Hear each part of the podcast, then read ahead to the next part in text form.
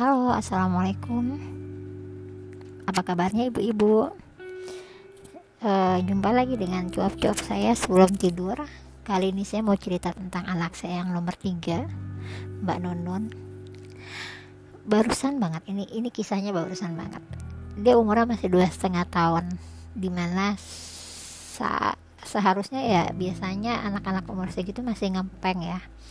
Ada yang masih asi bahkan tapi dia di umur satu tahun dia udah punya adik gitu kan. Jadi ya mau nggak mau dia terpaksa menjadi dewasa.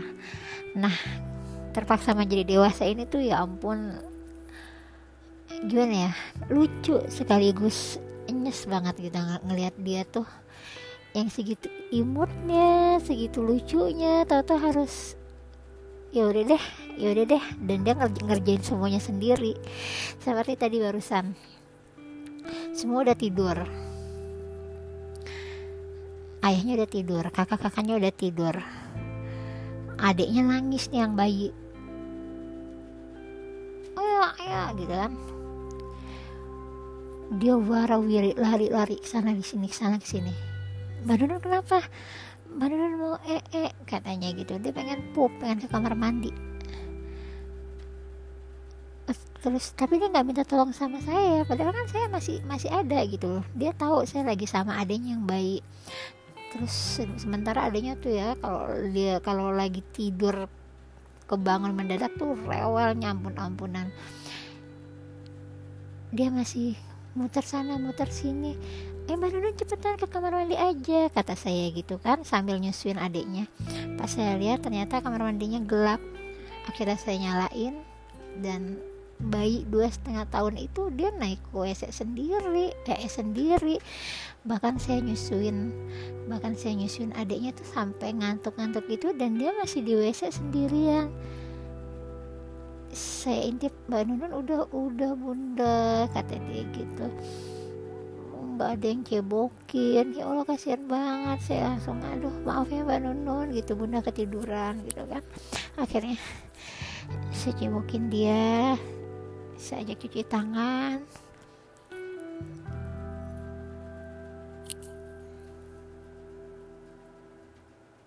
Saya bilang e, mbak Nunun hebat pinter. Bisa tahan ee -e, bisa tahan pup. Berani ke kamar mandi sendiri. Beneran hebat ya nah itu adiknya masih nangis lagi. Yang namanya bayi lagi ngempeng kan ya ditarik jadi dia nangis lagi berisik. Terus eh, sekarang kita bobo ya mbak Nunun gitu. Terus dia ngeliat kanan ngeliat kiri mbak Nunun bobo di mana? gitu.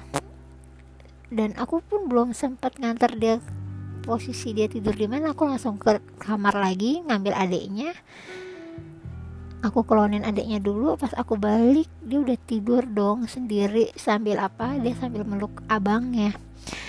Jadi dia nggak ada teman klonan kali ya dia tuh meluk abangnya gitu kan dempe ya Allah mbak Nunun aku tuh sedih banget sedih banget ya.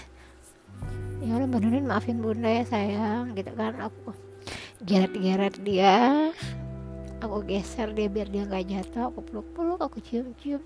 Maafin bunda ya sayang maafin bunda ya gitu kan aduh itu tuh benar-benar soalnya si mbak Nunun itu dia tuh dia tuh masih bayi banget. Dia tuh dia tuh lucunya awet tapi dia tuh memposisikan diri dia sebagai mbak.